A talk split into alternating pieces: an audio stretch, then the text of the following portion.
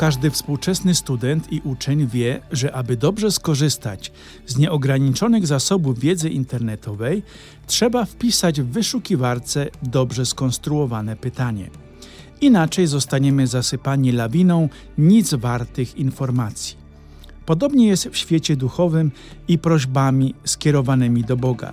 Jezus wie, co czego nam trzeba, ale Jezus mówi swoim uczniom o, w Ewangelii Janowej, o cokolwiek byście prosili Ojca, da wam w imię moje.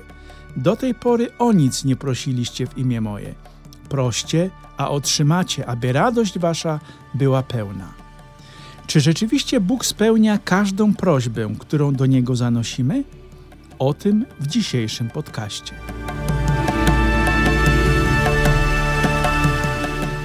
Ja jestem brat Krzysztof, jestem kapucynem, mieszkam w Innsbrucku i w moich podcastach komentuję naszą działalność misyjną na Madagaskarze i w Indonezji oraz niedzielne czytania. Moje podcasty znajdziecie na serwerze podbin.com i na najważniejszych serwerach streamingowych.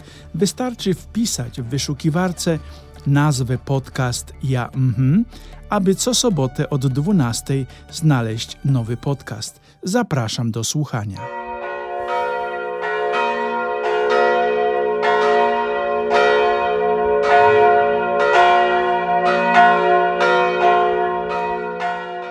Już w pierwszym czytaniu prośba Salomona zaskakuje nie tylko nas, słuchaczy Słowa Bożego, ale nawet samego Boga.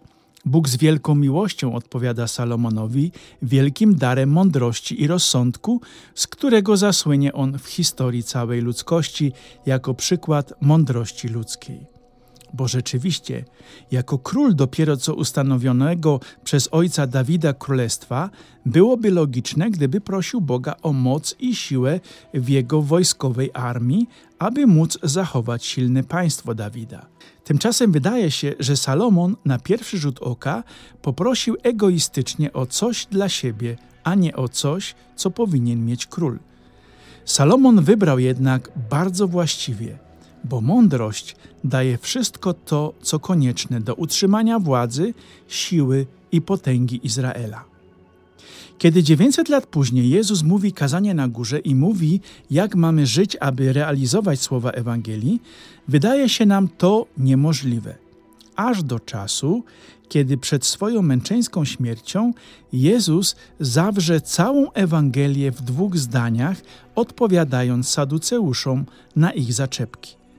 Będziesz miłował Pana, Boga swego, całym swoim sercem, całą swoją duszą i całym swoim umysłem. To jest największe i pierwsze przykazanie. Drugie podobne jest do niego.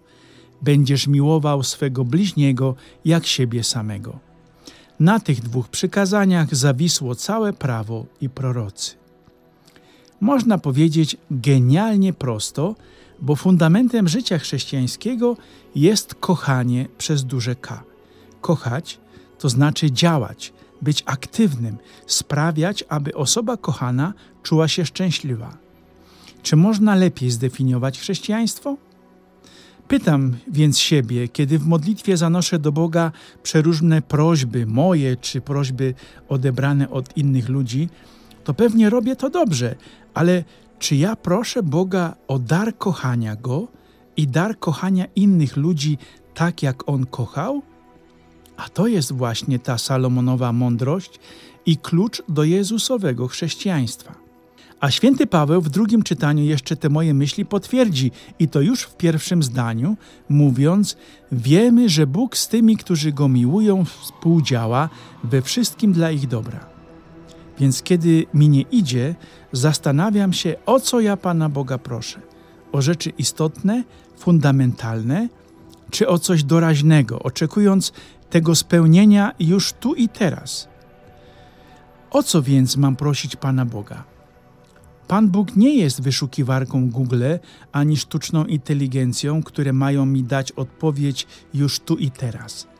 Bóg jest czystą miłością, więc będę go prosił o coraz więcej miłości. Nauczyć się kochać ludzi takimi, jakimi oni są, to chyba najlepszy klucz do Królestwa Niebieskiego. Pragnienie miłości na wzór Boga jest Salomonową mądrością, jest kluczem do wszystkich sukcesów w tym życiu i w życiu wiecznym. Uważam, że Pan Bóg w dzisiejszym biblijnym słowie przywołuje nas do stawiania na rzeczy fundamentalne, rzeczy ważne i istotne. Ale żebym wiedział, co jest dla mnie fundamentalne i istotne, muszę najpierw zrobić rewizję moich wartości. Może się okazać, że dla mnie najważniejsze jest, żeby ktoś inny miał się gorzej niż ja. Więc wtedy pojęcie miłości bliźniego będzie dla mnie tematem obcym i nieprzyjemnym. Jezus w przypowieści o perle mówi, że jeżeli jakaś wartość jest dla mnie cenna, zrobię wszystko, aby ją mieć. Jak trzeba, kupię nawet całe pole, żeby być pewnym, że będę miał to, czego pragnę. Taki przykład z życia. Kupujesz ziemię, aby zbudować na niej dom z ogrodem, a naprzeciwko ciebie jest piękny krajobraz z widokiem na góry w obawie, aby nikt inny tej ziemi nie kupił i nie zasłonił ci pięknego widoku, ty bierzesz kolejny kredyt, aby kupić tę ziemię.